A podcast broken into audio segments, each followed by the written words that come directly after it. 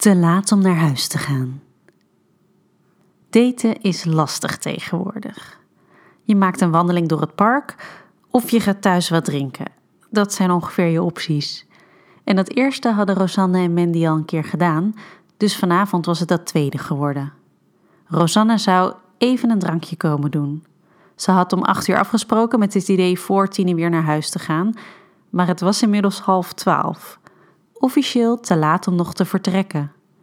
En dat kwam in dit geval heel goed uit, want allebei wilden ze niet dat deze avond al voorbij zou zijn. Rosanne komt in de keuken achter Mandy staan en legt haar handen voorzichtig op haar heupen. Mandy leunt een beetje naar achter, zodat hun lichamen elkaar raken. Ze voelt de borsten van Rosanne in haar rug. Met haar lippen volgt Rosanne een weg van Mandy haar nek over haar ontblote schouder. Haar wijdvallende shirt is er vanaf gegleden, maar haar BH-bandje duwt nog in haar huid. Hmm, wat ruik je lekker, fluistert ze, terwijl ze haar neus in Mandy haar schouder duwt. Vol overgave laat Mandy haar hoofd naar achter vallen op de schouder van Rosanne. Hmm, krent ze genietend terug. Ze zet de fles wijn die ze vast had neer en pakt de rand van het aanrecht vast om houvast te hebben. De handen van Rosanne glijden van haar heupen verder naar boven onder Mandy haar shirt. Ze laat ze over haar ronde borsten glijden. Mandy laat het allemaal gewillig toe en kreunt ter aanmoediging om vooral door te gaan. Rosanne gaat erop in en trekt haar BH onder haar borsten, grijpt ze stevig vast en begint erin te kneden. Mandy kronkelt van genot tegen Rosanne aan. Dan draait ze zich om, zodat ze Rosanne aan kan kijken. Een paar tellen is dat alles wat ze doen: elkaar aankijken. Dan buigt Mandy naar voren en raken hun lippen elkaar. Eerst zacht, aftastend, proevend, maar al snel openen ze hun mond en glijden hun tongen langs elkaar om elkaar heen, steeds dieper en dieper. Mandy voelt Rosanne haar handen over haar lichaam reizen, van haar schouders over haar rug naar haar billen, die ze als houvast gebruikt om haar nog dichter naar haar toe te trekken. Zelf graaft ze haar vingers door de lange haren van Rosanne. Na wat wel minutenlang lijkt, leunen ze met hun voorhoofd tegen elkaar aan, op adem komend van de lange tongsessie. Blijf je slapen? vraagt Mandy hoopvol, met hun neuzen nog steeds tegen elkaar. Slapen? herhaalt Rosanne plagerig. Ze grinniken allebei om de suggestieve vraag. Nou ja, blijf je? probeert Mandy nog een keer.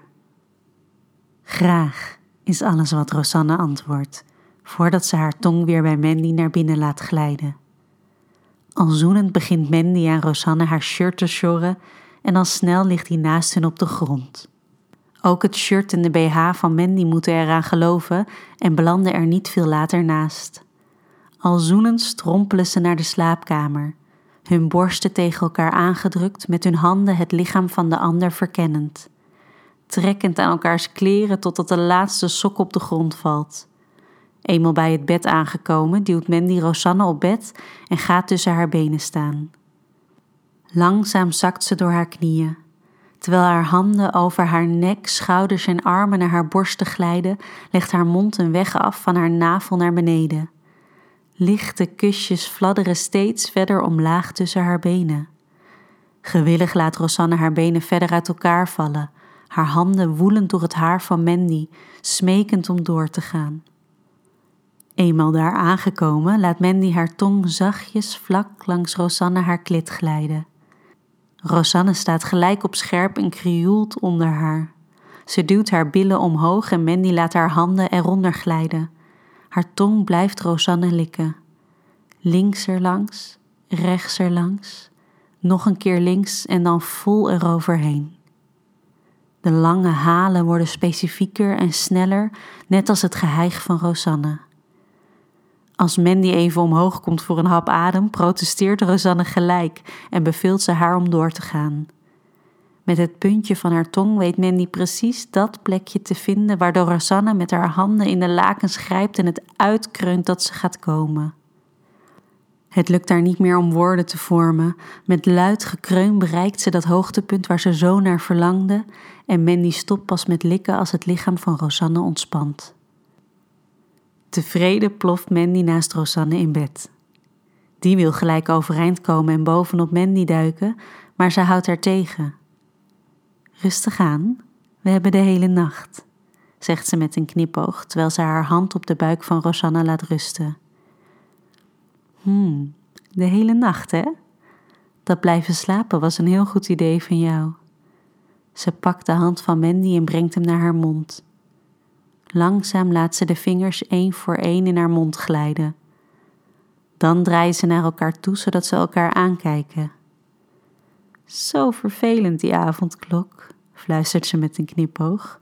En ze duikt bovenop Mandy om de avond, die nog lang zal duren, voor te zetten.